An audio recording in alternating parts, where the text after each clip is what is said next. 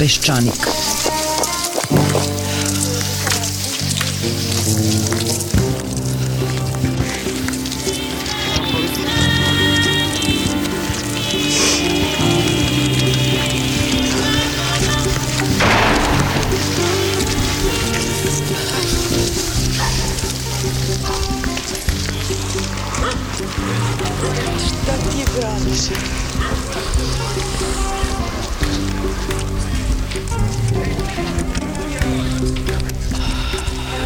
Peščanik.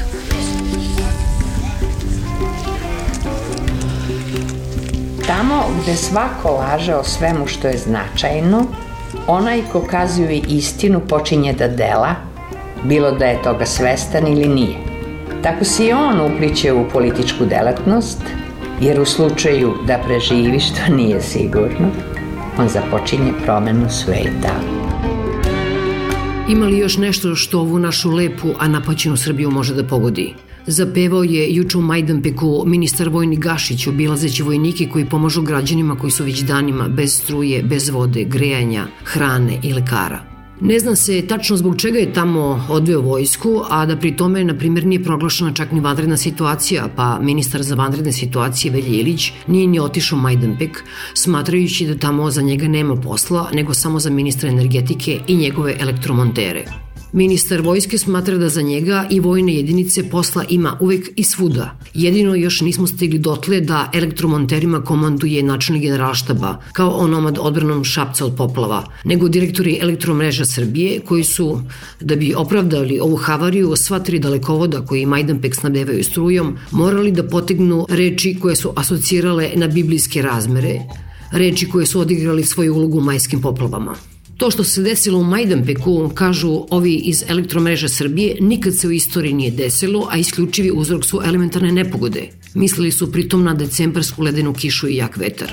Međutim, ovo što proživljavaju građani Majdanpeka posledica je pre svega dotrajalosti, neodržavanja, stubova, žica i svega onoga što čini tu elektromrežu a ne vetra biblijskih razmera, baš kao što su strašne posledice majskih poplava u velikoj meri rezultat neodržavanja nasipa i rasula u vodoprivrednim preduzećima. Stubovi, žice, nasipi imaju vek trajanja, vek im je istekao, a i nama će, ako neko pametni, sposobni i sabraniji ne bude rukovodio za početak državom i javnim preduzećima. Nema ko da brine o dalekovodima, nasipima, drumovima, fakultetima, domovima zdravlja, jer se cela država, počeo od predsednika vlade pa do resornih ministara, mesecima bave dronovima, navijačima i vode verbalni diplomatski rat prvo sa Albanijom, pa onda sa Turskom i sada povodom Šešeljog povratka iz Haga sa Hrvatskom. Naši susedi u Hrvatskoj uskoro imaju izbore i Šešelj je njihovim desničarima došao kao veliki i nenadani poklon u predizbornoj kampanji.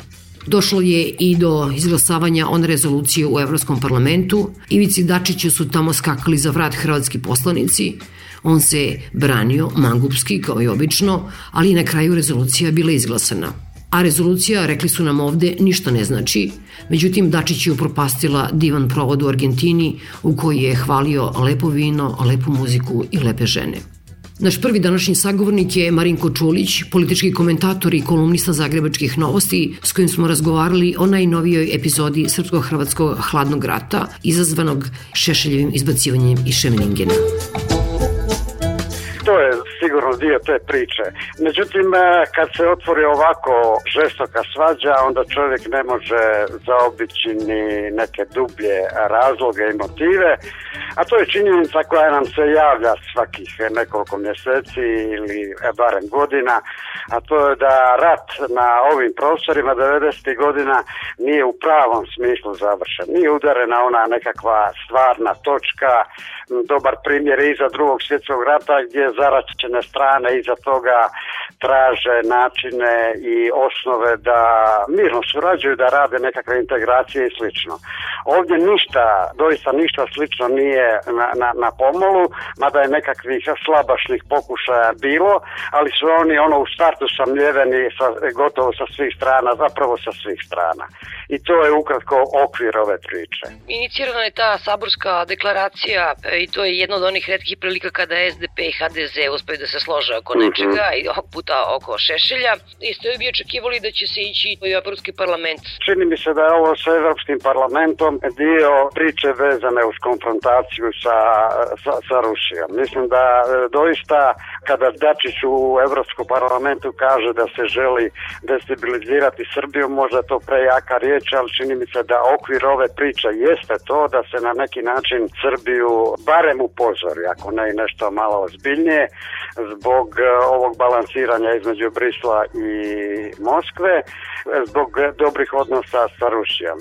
Zato je, čini mi se, Hrvatskoj ovako lako uspjelo da probije tu temu u Evropskom parlamentu. Nisu oni baš da od prve malim zemljama uslišavaju ovake želje, ali čini mi se da se to sad poklopilo s jednom širom geostrateškom pričom i mislim da se ovi odnosi s Rusijom tu ne mogu isključiti. Da se vratimo samo na to što ste vi rekli da je između ostalog to deo i predizborne kampanje u Hrvatskoj. Za očekivati je bilo da će HDZ nastupiti sa tako, mm -hmm. tako teškim rečima, ali sasvim se dobro drži tu i SDP. Je, je. Pa to je širo, dio jednog šireg mehanizma koji nije sad no, nov, ali dignut je na jednu višu stepenicu. Naime, u Hrvatskoj postoji jedna specifičnost, a to je da HDZ nastavlja kontrolirati važne segmente vanjske politike i kada je u opoziciji. Zato ima nekoliko primjera, recimo izručenje optuženika u Hak. To niko nije smio osim HDZ-a. Onda rješavanje graničnih sporova sa Slovenijom, a u budućnosti će biti sa Srbijom. Tu HDZ sebi osigurao osigurao pravo da stavlja veto i na najrazumnije sporazume kao što je bio sporazum Račan Drnošek. Čak kod kupovine vojnih aviona čeka se šta će reći HDZ, iako je on u opoziciji, da ne bi, ne daj Bože, se napravilo nekakvo, nekakav domoljubno krivi čin i tako dalje. I sada ovo sa Šešeljom je samo ilustracija ili odraz toga. Oni su naprosto prigrabili cijeli vanjsko-politički pogon Hrvatske, mislim na HDZ, i taj pogon je upotrijebio za žestoku svađu sa Srbijom oko Šešelja i SDP tu naprosto kao Đačić slijedi njih pristajući na ovo, ovo, ovaj odnos snaga o kome upravo govorim, a da je tu zapravo pravi starješina, pravi šef HDZ. I to je ta priča. Pomenuli ste rešavanje graničnog spora sa Slovenijom u budućnosti sa Srbijom. Tu se vraćamo na činjenicu da tu postoje, kako se to kaže, otvorena pitanja. Ja bih vas molila da naše slušalce posetimo, pošto smo se izgubili u tim pričama o Šešlju, pa o Bunjevačkom bukvaru, da se ne vraćam ranije na šta je sve bio povod za velike i krupne reči, ali naravno ostaju mnoga nerešena, otvorena pitanja koje praktično više niko i ne pominje. Pa to je recimo teritorijalni spor oko te Dunavske ade. Ja mislim da se to poznavajući jednu i drugu stranu neće riješiti ovoga bilateralno nego će se morati ići na međunarodnu arbitražu kao što se u ostalom dogodilo i sa Slovenijom i sa Piranskim zaljevom. Tako da ne vidim, ne vidim tu načina da se te dvije strane dogovore, pa vidite da doslovce na svakom ozbiljnjem pitanju sve se lomi, sve se ovoga raspada, nikakve mogućnosti dogovora nema, tako da je to međunarodna arbitraža čini mi se jedino, jedini izlaz što i nije tako loše, ali je ponižava zapravo sve te države jer ispada kao da su mala djeca kojima teta u ovoga vrtiću mora ovoga riješiti svaki spor. Te zemlje same sebe ponižavaju i o, o nekakvom samopoštovanju njihovom ne može biti govora ako im doslovce svako otvoreno pitanje osim ekonomije, eto, osim ekonomije, moraju rješavati nekakvi arbitri izvana, to je nešto što zapravo poništava smisao osamostaljivanja tih država, samo što one to e, ne vide, iako to je doslovce na, na dlanu, to svako vidi osim njih, ne. Tako da je, gledajte, skoro eto dva i pol desetljeća, ovisi kako se računa nakon rata, te države se ponašaju kao ovoga štićenici nekih a, velikih autoriteta i što je najgore toliko su a, navikle na, na to da im nije ništa više neobično da im do, doslovce pa uređuju ama baš sve. Kada smo govorili o ovoj saborskoj deklaraciji kojim su osuđeni Šešelj, Srbija, Hag, pa sad za redom, uh mhm. -huh U kojoj meri vi mislite da je i ugrožena i ona deklaracija kojom se Hrvatska obavezala da neće blokirati ulazak Srbije u Evropsku uniju? Pa žalosna je stvar da se to sad već e, gotovo otvoreno e, govori da hoće, već i Josipović na pragu toga. On se do duše vadi na to da će Hrvatska insistirati na samo na onim standardima koji vrijede i za druge, na standardima koji će doći iz Brisla, ona će to podržavati. Međutim, šta je za ministar e, ovoga pravosuđa Orsat Miljanić je već rekao da će Hrvatska blokirati ukoliko se ne ispuni neki uvjeti, to se standardno zna koji su, to su nestali, to su ovakva, ovakve stvari kao što je suradnja s Hagom i tako dalje tu ulazimo stvarno u, u, u moguće loše rasplete, jer e, naravno jasno mi vidjeli smo to stotinu puta, e, može se izmisliti svako moguće pitanje ili točnije od svakog mogućeg pitanja se može napraviti nešto što je tobože u interesu ne samo Hrvatske nego i nekih općih načela, standarda Evropske unije i tako dalje. Tako da su to krajnje loši nagovještaji. Vi ste na samom početku ovog razgovora rekli nešto što i mi ovde primećujemo podom nekih drugih stvari, to je da se često odnosi sa susedima koriste zapravo unutrašnje političke svrhe, jer da. smo i u Srbiji, a i vi u Hrvatskoj permanentno izbornoj kampanji praktično decenijama. Yes, yes. E, ono što je problem jeste što zbog toga i zbog toga što je ekonomska situacija i u Hrvatskoj i u Srbiji pa i u regionu tako katastrofalna da njima zaista zgodno da te odnose stalno drže pod tako velikom i visokom tenzijom mm -hmm. zapravo. To je već e, prava manufaktura ili da ne kažem i teška industrija slučajeva koji se svjesno produciraju prije izbora ili, ili ne, recimo primjećeno je da u hrvatsko-slovenskom slučaju ti incidenti eksplodiraju ljeti kada se ništa drugo ne događa, pa eto da se ljudi previše ne opuste, onda se smisli nekakav incident na moru, nekakvi slovenski ribevi su prešli metar dva na ovu našu stranu ili su hrvatski prešli metar dva na onu slovensku stranu i to je gotovo jasan dokaz ostalom i e, ovi nekakvi zviždači sa slovenskog državnog vrha su i govorili da su se svojedobno Janša i Sanader dogovarali oko međusobnih incidenta, sinhronizirano su ih aranžirali i izmišljali,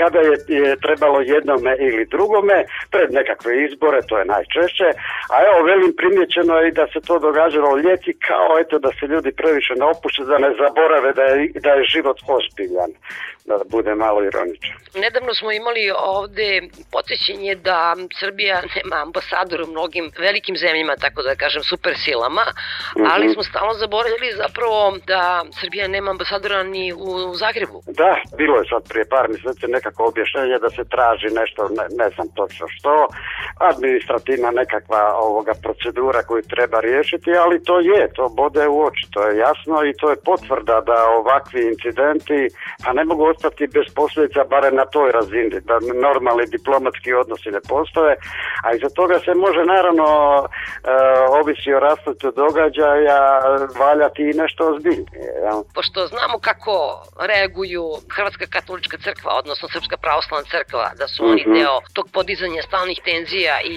i podsjećanja na endemsko neprijateljstvo. Mm -hmm. da li i ko su ti ljudi, ko su te snage koji su uopšte zainteresovane ili rade nešto na poboljšanju odnose u regionu, a ovde govorimo o srpsko-hrvatskim odnosima? Pa, to su standardno marginalci. Tako je bilo 90-ih, nije bitna razlika. Tako je bilo u sred rata i tako je danas. Dakle, to je nekoliko medija koje možete nabrojiti na prste jedne ruke, vi ćete lakše srpsku i srbijansku stranu, ja hrvatsku, ali to je stvarno sve vrlo malo, to je par nekakvih individualaca, par nevladinih organizacija i slično i oni naprosto pokušavaju gurati prste u taj, u taj mehanizam, međutim on ne lje. On se zasniva zapravo uvijek na istome. Dokazuje se premisa da ovi narodi, odnosno ove sadašnje države nastale raspadom Jugoslavije, ne mogu zajedno, da one uvijek moraju biti na nekoj vrsti puškometa ili barem u nekim hladnim odnosima i zato se i proizvodi ovo, a po potrebi otvorena mržnja, u ovom u šešeljenom slučaju vi zapravo imate eskalacija eskalaciju mržnje. Kad ogolite sve te gluposti koje ćemo zaboraviti, koje šta ko rekao, esenciju tog spora čini mržnja, ništa drugo.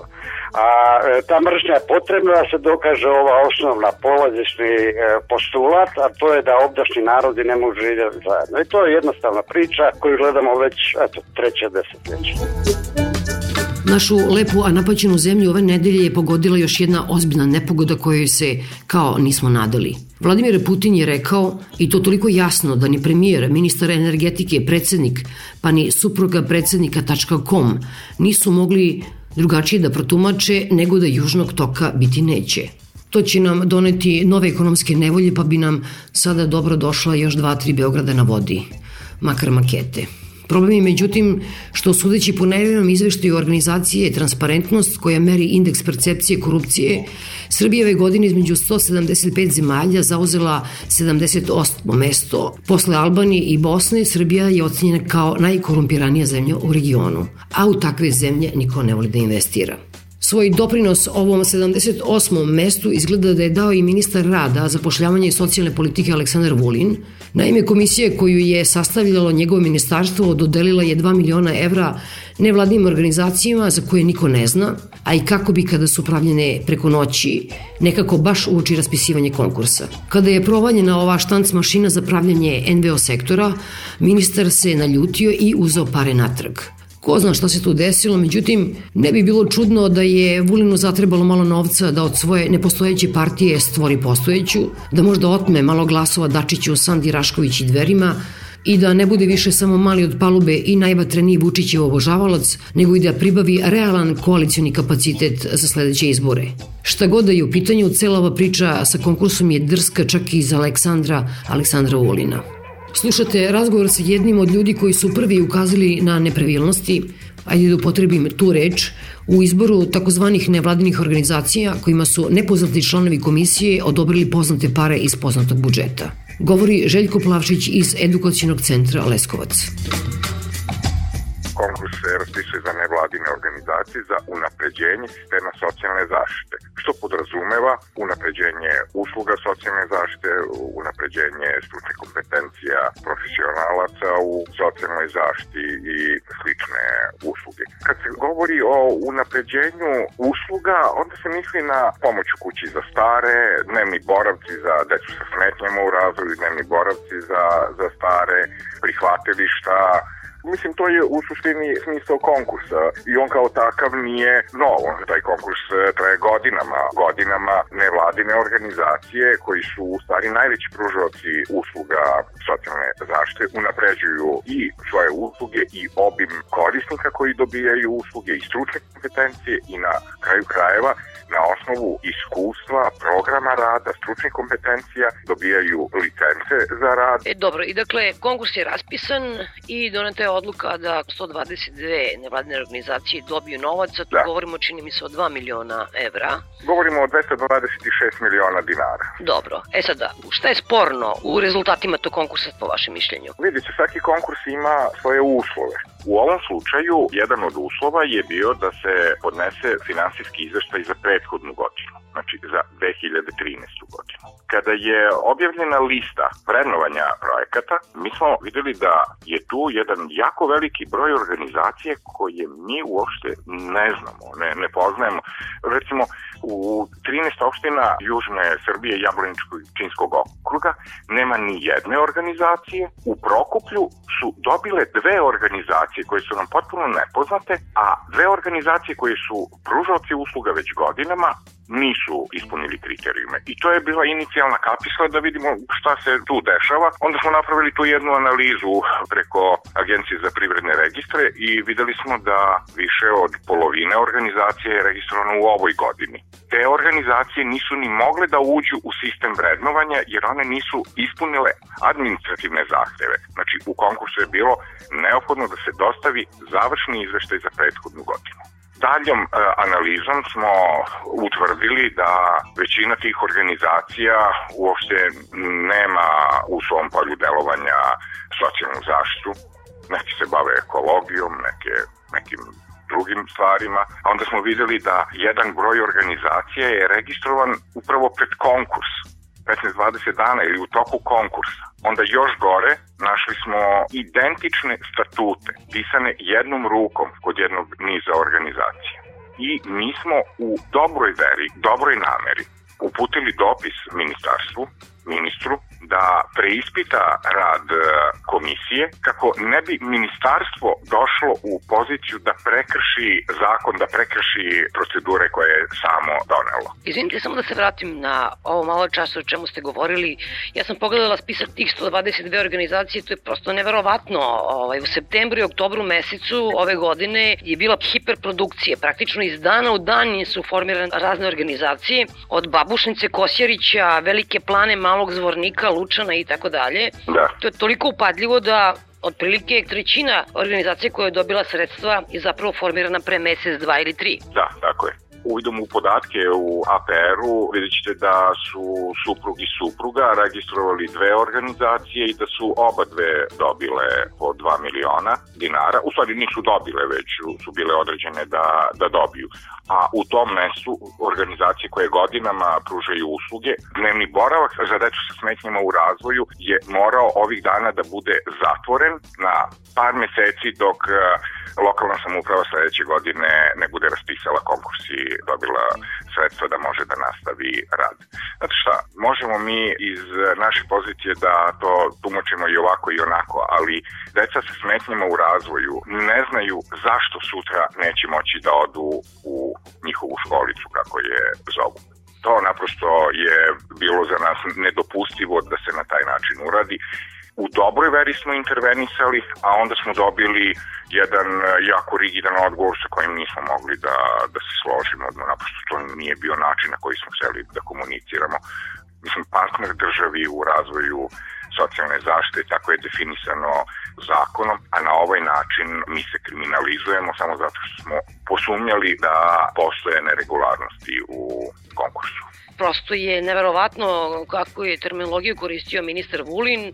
On je to karakterisao kao hajku, protiv njega i njegovog ministarstva i ono što je naravno njegova suština jeste da se ljute oni koji nisu dobili ono što su navikli da dobijaju godinama, da je na neki način se time posredno uskratili posao za 150 ljudi i 4500 volontera koji bi dobili posao sa ovim i da će biti ugroženi invalidi, stari osobe i tako dalje, pri čemu je zaista usledila pretnja da će on sada naknadno da preispituje ko je sve ovih godina dobio novac od države i ko se obogatio. To je koliko sam ja sažela negde u medijima da, ali znate kako, reći vam istim tonom, dobro je da ministarstvo ima uvid u to šta je rađeno u prethodnom periodu. Dobro je da ministarstvo ode u dnevni boravak u Veliku planu, da vidi dnevni boravak u Trsteniku, dobro je da dođe u Vlastinice da vidi kako se sprovodi usluga pomoć u kući u Vlastinicu i Crnoj travi. To bi bilo super da i ministarstvo se pohvali radom nevladinih organizacija koje je finansiralo i šta je, koliko je korisnika uspelo uspelo na jedan sistematičan način da se zaštiti ali rečen koji je upotrebljen naprosto nije ukazivao na to da ministarstvo želi uvid u kvalitet e, rada, nego nama je to više ličilo na neki lov na, na veštice. Dobro, i u bottom line je da je ministar Vulin sada poništio taj konkurs i rekao da će taj novac da vrati u budžet, a onda iz budžeta da preusmeri za lečenje dece koje boli od redkih bolesti. Da. To je njegovo rešenje. Da. Pa, mislim, znate šta, to rešenje o utrošku budžetskih sredstava ne donosi jedan ministar, on na njegov predlog se usvaja zakon o budžetu i to je su vrlo jasna pravila. To e, lično nahođenje, prebacivanje u jednu, u drugu stavku, mislim, može neko od ministara sutra da odluči da Peščaniku da da 226 miliona, što imam za vaš medij izuzetan respekt, ali postoji zakon i zakon mora da se poštuje. Nas ne interesuje ko je ministar, nas interesuju, interesuje zaštita korisnika i procedure kojima ćemo preko lokalnog i centralnog nivoa da obezbeđujemo sredstva da se korisnici zaštite, da im se obezbedi dostojanstven život na osnovu njihovih potreba. Da li ste bi tražili od e, ministarstva, a mislim da je to, bi to bilo u interesu javnosti, da saznamo zapravo ko je bio u toj komisiji? Da, ovako, mi smo u našem dopisu od e, ministra tražili da preispita rad članova komisije i da ponovi proceduru vrednovanja projekata. čini nam se da je gubljenje vremena, poništavanje konkursa pa raspisivanje novog. Projekti i dokumentacija su tu, potrebno je da se formira kompetentna komisija. Mi jesmo u dopisu zatražili da se preispitaju stručne kvalifikacije članova komisije, iskustvo u socijalnoj zaštiti. Naprosto moguće da su u komisiji bili ljudi koji nemaju adekvatna znanja da bi mogli da vrednuju projekte. Najmanje što je ministarstvo moglo da uradi na, na jedno upozorenje da preispita da li je to kvalitetno rađeno i da utvr, ako utvrdi da nije, a očigledno da je utvrdilo pošto je poništen konkurs, ne bi konkurs bio poništen zbog dopisa jedne mreže organizacija, da je e, sve u redu, moglo je samo da se imenuje kompetentna komisija i da se vrednuju na e, ponovo e, svi projekti i da se izaberu. Naravno, uz poštovanje svih procedura da je nemoguće da u izbor za finansiranje uđu organizacije koje su registrovane 2014. godine.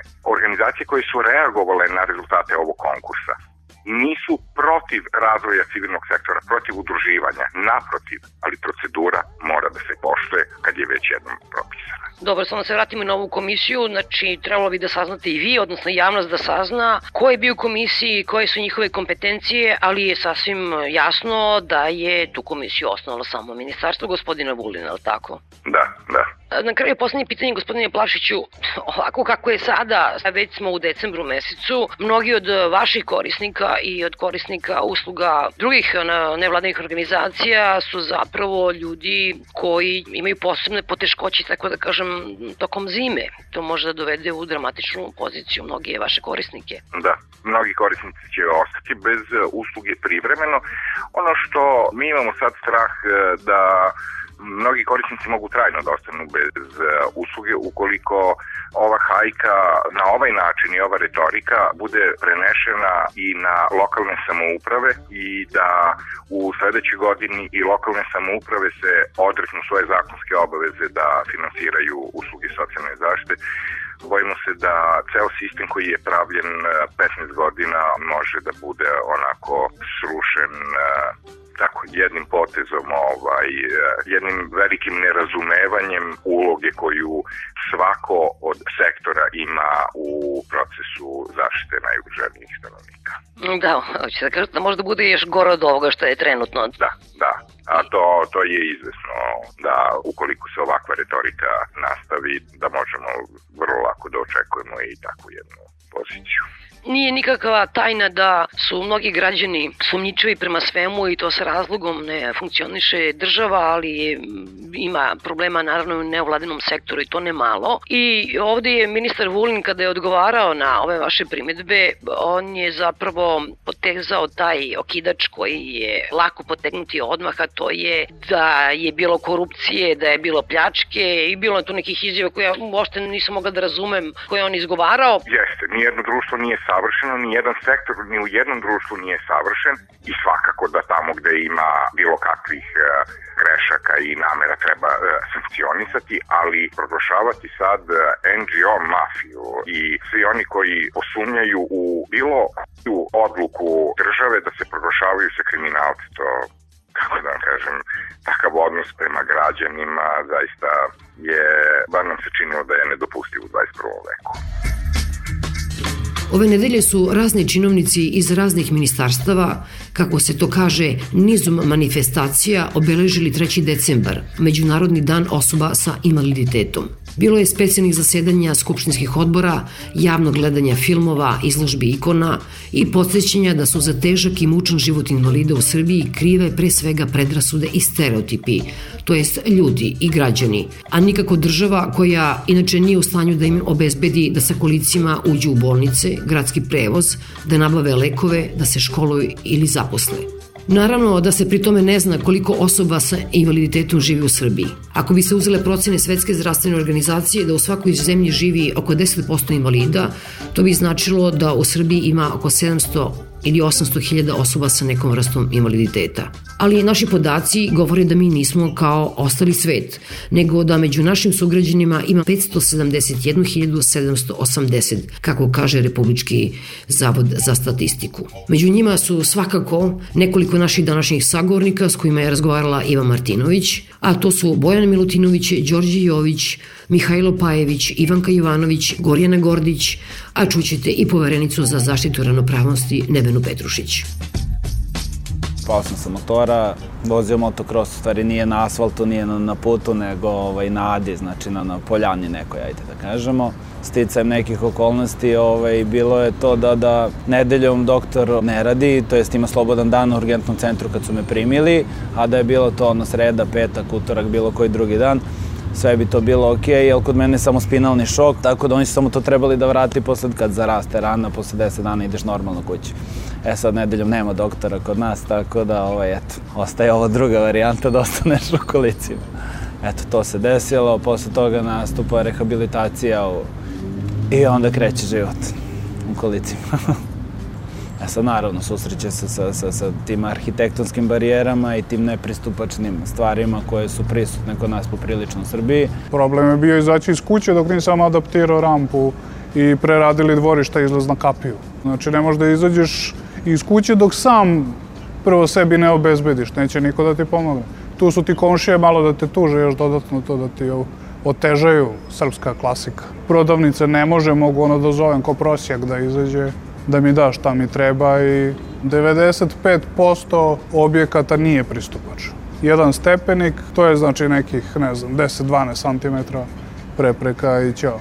Nema ti tu šta da budeš, ne znam, ljut i da ti neko kriv i da kriviš sistem. Živiš kako živiš, brate, snađeš se a mi nismo invalidi zato što guramo kolica ili što koristimo štake, nego zato što je društvo napravilo razne arhitektonske prepreke ili neke druge prepreke koje nam uslovljavaju da ne možemo da funkcionišemo i komuniciramo.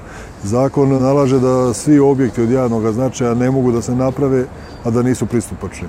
Međutim, 90% i dan danas objekata koji se izgrade od javnog značaja su nepristupačni u raznim varijantama komunikacija je divna. Svi vam kažu da, da, da, vi ste u pravu, sve je u redu, sve ćemo mi to da uradimo, sve mi to znamo. Verujte mi da ja kad je ovaj donet pre godinu i po dana, dve, pravilnik o pristupačnosti, ja sam sve ljude sa kojima sam komunicirala, jer mi svi iz invalidskog, takozvanog invalidskog pokreta, komuniciramo sa velikim brojem ljudi iz ministarstava, sekretarijata i imamo tu raznorazne mailove, telefone. Ja sam koga god sam znala po poslala taj pravilnik. A šta to vredi?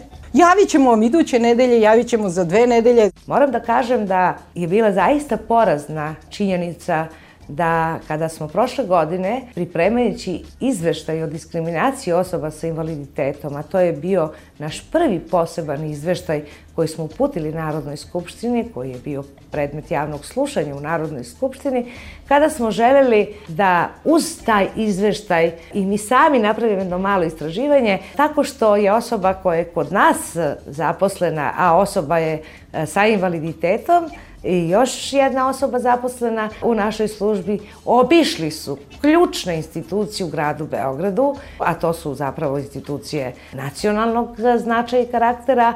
Porazna je činjenica da su zapravo nepristupačne. Čak i oni, one institucije koje su e, napravile nekakvu rampu da se može ući u samu zgradu, čitav prostor u zgradi je i dalje nepristupačan. Nije stvar samo obezbediti tu neku rampu, a da ne govorimo o tome da smo mogli da vidimo kakve su to rampe i da zapravo su one te kosine da su nesavladive za osobe sa invaliditetom, a opet je neko mislio, eto, ispunili smo nekakvu svoju moralnu i zakonsku dužnost. U Srbiji danas ni jedan objekat ne bi smeo da bude tehnički primljen, a da taj standard ne ispunjava.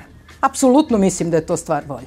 Ako vi pravite zgradu Pa to je minimalno dodati trošao, ali minimalno, da ta zgrada bude pristupačna. Ja stalno postavljam jedno pitanje. E, šta je skuplje? Napraviti veći zid i jedan red cigli ili napraviti vrata ne od 60 nego od 90 cm? I nikad nisam dobila odgovor.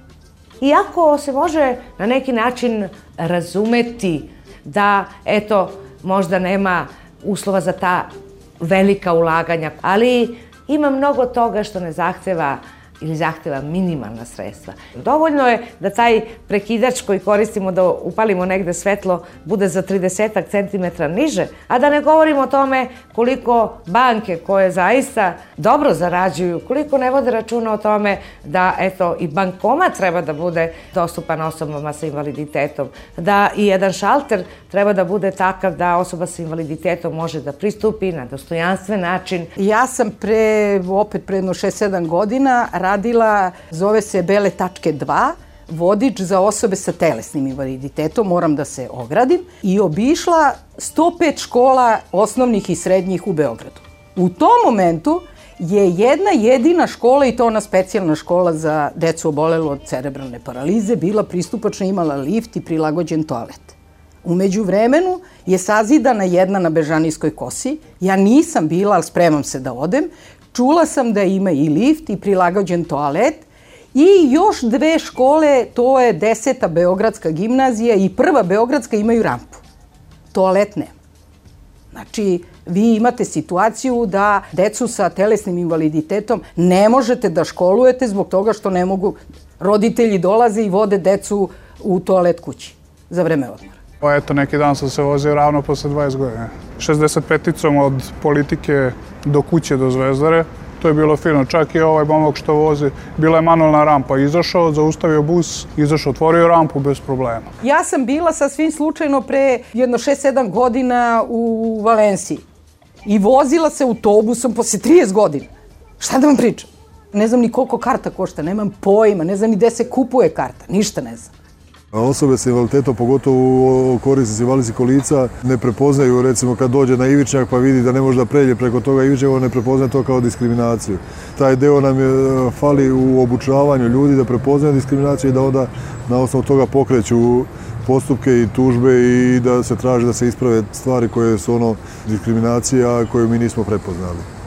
Ko vam pomaže, majka i baka, jel? Pa majka, 99% vremena, majka. To bi bilo dobro recimo, ne znam, da personalni asistenti, oni bi dosta bi se taj deo bavljenja mnome rasteretio. Razmišljati o nekim domovima, o nekim smeštajima i za to treba imati pare, to ti je 500 evra dok trepneš. Ali u praksi najčešće funkcionišu sledeći servisi. E, dnevni boravci, nega i pomoć u kući i e, domaćica. I naravno ostvaruje se pravo na novčanu nadoknadu za tuđu nego i pomoć koja proizilazi iz eh, ovog zakona o socijalnoj zaštiti, ali ostali servisi kao što personalnih asistenata, on funkcioniše, ali u jako malom broju gradova. Paradoksalno je da Beograd kao glavni grad i kao grad koji ne samo što je glavni, nego što ima i najveći budžet, ne prepoznaje neophodnost da se ovaj servis finansira. Čak se dogodila jedna situacija da je pre par meseci privremeni organ grada iz odluke o funkcionisanju servisa podrške ukinuo servis personalnih asistenata, odnosno izbacio ga, izbrisao ga iz odluke, mada ni pre toga nisu finansirali, ali su ga tim aktom i deklarativno odbacili. A cela priča je počela tako što je gospođa iz Centra za samostalni život invalida donela celu ideju iz Irske i dobila od irske vlade projekat koji je finansiran Prvi deo projekta je trajao dve godine, drugi deo projekta, odnosno to su dva posebna projekta bila, trajao godinu dana i to je u stvari bilo neko naše srećno vreme sa personalnim asistentima. Ali su ljudi svi posle toga pričali onu jevrejsku da Bog da imao pa nemao. To je jedna takva blagodet da vi imate pored sebe osobu koja radi upravo ono što vama treba i na način na koji vama treba. Da uzmem primer nekoga ko ima kvadriplekiju.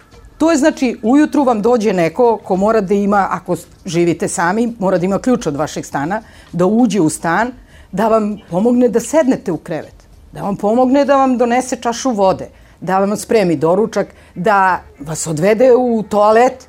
Zamislite vi sad, probudite se ujutru, e, pogledate na toaletni stočić pored vas, stoji vam čaša vode, a evo ja sam nekoliko puta to uradila. I kažem, stoji mi voda tu i ja ne mogu da pružim ruku da uzmem tu vodu. To je strašan osjećaj.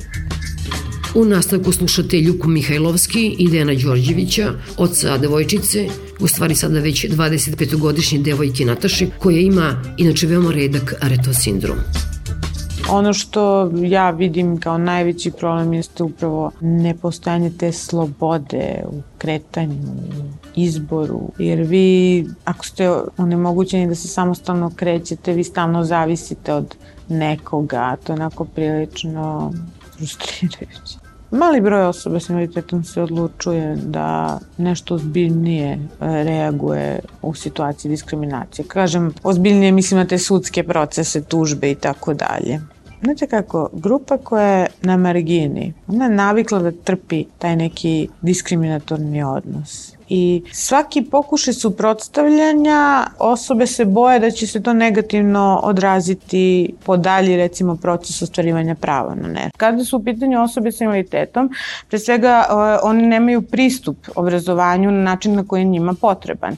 Kada govorimo o pristupu da odmah razjasnimo se tu ne misli samo na arhitektonske barijere. Da, nažalost u Srbiji se i danas zidaju nove škole koje nemaju lift i, i koje nisu prilagođene osobama koje koriste kolica ili koje se otežano kreću. Pored te fizičke nepristupačnosti, programi su neprilagođeni. Evo ja mogu da kažem iz svog ugla kao neko ko je prošao i sistem specijalnog i redovnog obrazovanja. Osnovno obrazovanje sam završila u specijalnoj školi i mogu da kažem da mi je nakon toga jako bilo teško da se uklopim u svoje regularno vršnjačko okruženje, jer sam navikla da budem sa decom koji imaju neku teškoću, nekako se vi tu ušuškate, uljuljkate, stručnjaci ubeđuju i vas i vaše roditelje da je to najbolje jer su deca zla i ruga će vam se, što uopšte nije tačno i ono što je takođe činjenica jeste da se u tim školama ne dobija adekvatno obrazovanje. Kriterijumi su znatno manji nego u redovnim školama i meni je zaista jako teško bilo da nadoknadim sve ono što nisam naučila u specijalnoj školi. I vi tu imate onda i veliki stepen odustajanja. Generalno mi imamo taj problem prevremenog napuštanja obrazovanja ne samo među osobama s invaliditetom, nego i među romskom populacijom i među populacijom siromašnih, jer ako se porodica bori za golu egzistenciju, kako možete da očekujete da te porodice da investira u obrazovanje? Zamislite jednu porodicu od, recimo, sa troje dece, od kojih je jedno dete sa teškoćama u razvoju. Roditelji ne znaju kome će pre da pruže podršku i nekako po nekom automatizmu dete sa smetnjama u razvoju često ostaje i bez škole. Sad vi kad kažete, ne, ne, ali to je zakonom regulisano, svako dete ima pravo na obrazovanje. Dobro, nije nikome zabranjeno da se obrazuje, ali ajde da pokušamo da ostvarimo to pravo. Naprimer, uzet ćemo, ajde, na primer, dete koje ne vidi. Roditelj ga upisuje u redovnu školu. Sve zavisi od toga kakav je učitelj i učiteljica, kakav je direktor škole, ne od sistema i to je najveći problem, sve je prepušteno pojedincu. Nekako sve ide ka tome da se dokaže da to ne može, ne, ne da se pokuša da se može, nego da se dokaže na kraju onda taj napor koji porodica ulaže, koji ulažu roditelji da ga voze ili je, voze u školu, vraćaju, dežuraju, ekskurzije i tako dalje onda vas na kraju vi se umorite i odustajete i upisujete dete u specijalnu školu gde ono može recimo da provede ceo dan ili celu nedelju i tako dalje. Niste naterani praktično da pribegate tim metodama celodnevnih boravaka i tako dalje jer ste umorni jer ne možete da postignete ni finansijski ni fizički da da jednostavno svom detetu obezbedite adekvatno obrazovanje. Recimo, do nedavno je postojao poseban studentski dom u Beogradu u kom su živali samo studenti koji imaju neku teškoću onda je to bilo onako prilično getoizirano. Vi ste imali dom studentski u kom žive samo studenti sa hendikepom i onda je svima neprijatno. Neprijatno i onome ko nema hendikep možda bi žao se druži da priđe i da ponudi pomoć ili ne znam na koji način to treba da uradi. Da ne govorimo o tome da su svi ti domovi i ustanove socijalne zaštite su na nekim pe gradskim periferijama, okruženi nekim ogromnim zidovima, ti ljudi ne izlaze napolje mesecima i tako dalje. Tako da mislim da sva ta odvajanja, to je jednostavno sklanjanje tog problema. Ajde da mi to ne vidimo, mi to kao brinemo tu o nekome, ali što dalje od nas?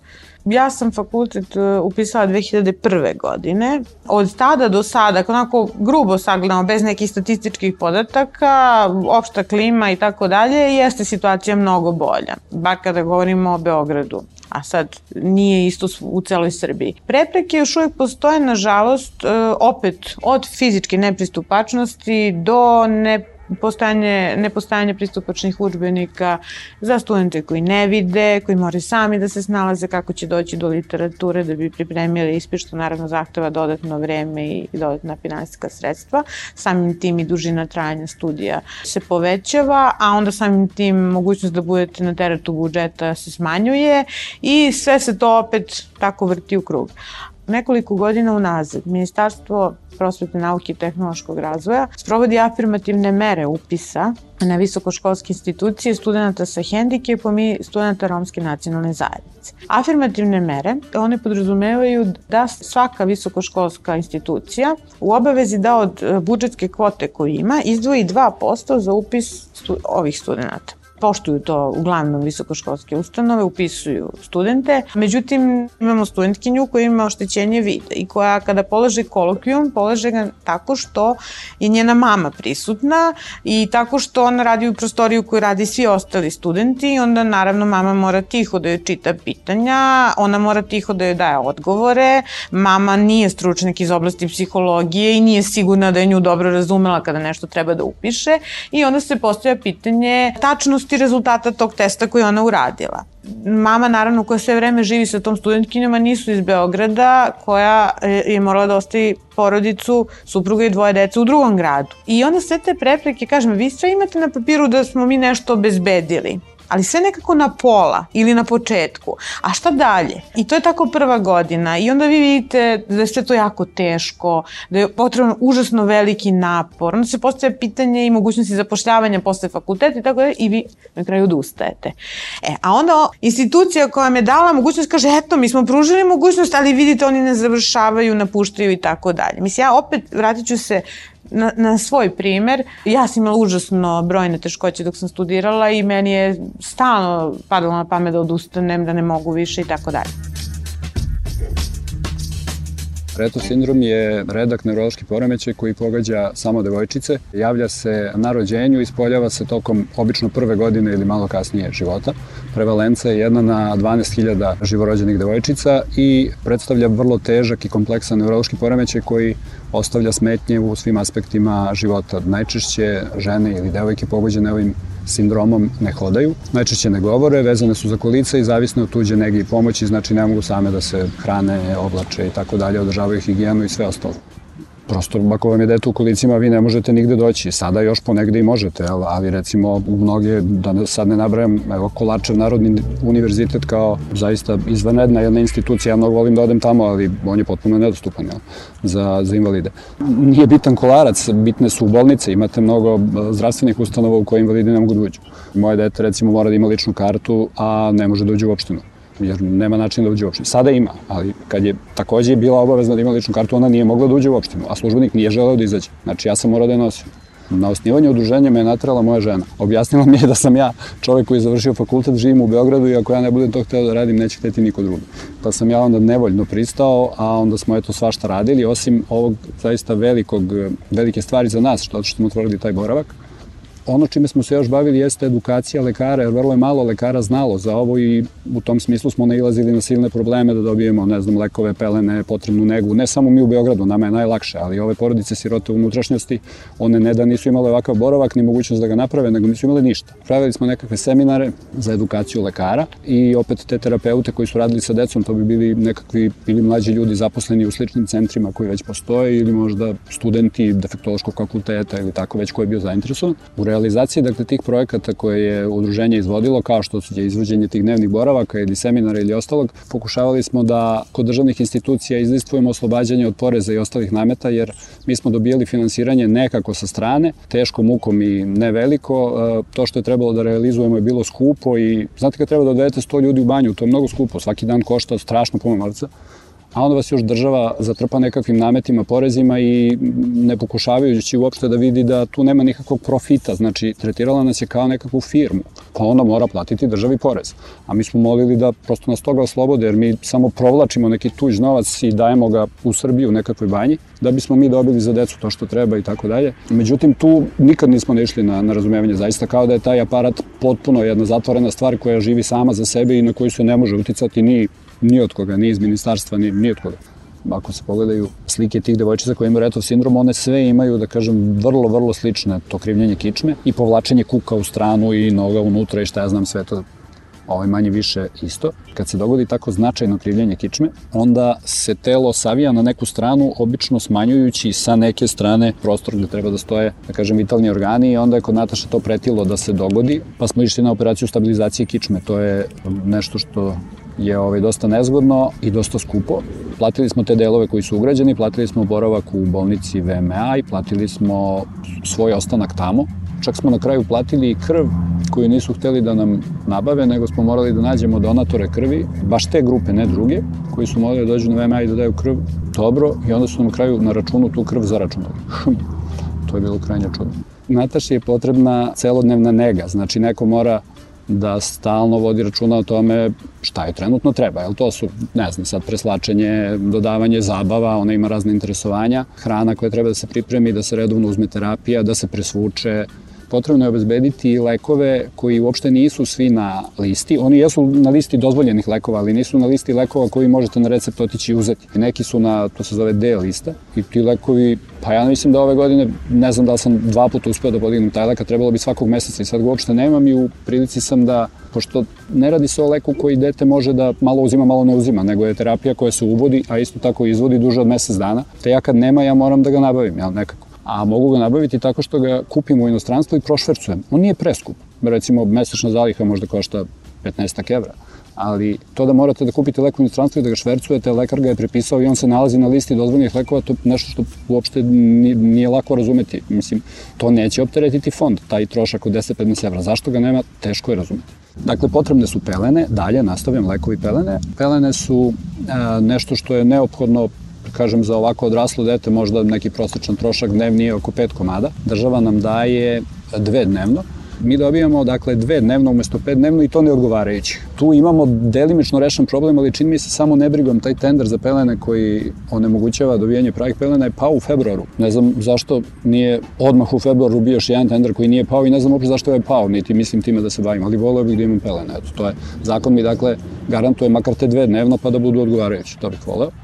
Ako ona prvo i sama zarađuje, znači država joj daje taj puni dodatak za tuđu nego i pomoć koji je oko 26.000, čini mi se, mesečno. Mi moramo da obezbedimo sve isto, isto što i za zdravo dete, s tim što ona ne ide u diskoteke, naravno, i ne znam nijak gde već idu zdrava deca, ovaj, u bioskope i ostalo, ali za uzvrat troši pelene lekove, usluge fizioterapeuta koga plaćamo, to je tri puta nedeljno dolazak i nekoga da je čuva kod kuće, zato što Bojana i ja radimo, mi smo zaposleni matematičari, ja radim u srednjoj školi, a Bojana na fakultetu i imamo dosta obaveza i privatno držimo časove da bismo zaradili dodatno potreba novac jel, za, za sve ove stvari, a i za sebe. Taj neki trošak e, koji ona ima sa kupovinom lekova, pelena, ne znam, usluga fizioterapeuta i e, čuvanja, ovaj, ja mislim da bih mogao da procenim na možda, pa grubo na možda 60 do 70.000 mesečno.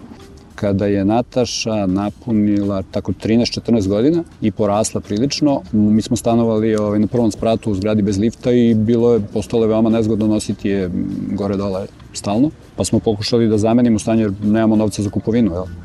da zamenimo stan za isti takav u istom kraju gde bi otprilike cena kvadrata bila ista za prizemlje i onda smo morali da nađemo stan u prizemlju koji je na, da kažem, spoljašnjoj strani zgrade da bismo mogli da izgradimo stazu jer ulazi, to su zgrade iz 74. 5. godine, one nemaju napravljenu stazu na prilazu, pa smo je sami izgradili, odnosno platili zidaru nekom da napravi. Onda smo bili tuženi za, za narušavanje izgrade ili promenu fasade i, i te okoline ili već ne znam kako tačno ta tužba glasi. Bila je inspekcija iz opštine i oni su ustanovili da stvarno smo mi to sve poremetili, napravili još i tu stazu i donali su rešenje da to mora da se vrati u prvobitno stanje, ali su obećali da će oni to svoje rešenje staviti na dno fioke. To je bilo posle 2000-te, znači možda 2004. Tad su već sve zgrade koje su se gradile imale obavezu da imaju rampu. Znači ovde se radi o staroj zgradi gde smo mi napravili rampu, imamo dete koje ima, ne znam, 40 kg u kolicima, ne mogu da je nosim, zato sam tu došao. Samo mi fali 3 metra do trotoara i on donese rešenje da to mora da se ruši. Pa mislim, to je stvarno čudno. Šta će biti ako ja to srušim? Mislim, kako ćemo onda? Čemu to? Nataša jako voli reprodukcije. Baba i deda su slikari, ali ne verujem da ima veze sa tim, a možda ima. Ja sam probao kad je, ne znam da li to znate, pre nekoliko godina, ja mislim pre dve, tri je bilo u Narodnom muzeju nešto na pipanje. To su bile neke skulpture, ja sad samo ne mogu da setim šta, tako se zvalo. Pa kao da invalidi dođu da dodirnu koji ne mogu da, da vide, jel? I onda sam ja ovaj, otišao da vidim da li je moguće da, pošto je za invalide, jel, na pipanje zbog toga. Tamo su me stavili pred one stepenice, to su ogromne stepenice, nisu baš kao u Skupštini, ali kao pola tih u Skupštini. Izložba je bila gore. Jel ima lift, nema lift? Pa šta ćemo? Pa kao doneće. Ko će da donese? Neka dva vojničića što su na civilnom osluženju, mislim da obojice zajedno su imali manje kila od mene. I ja kažem, pa neka. I onda nismo otišli. Eto.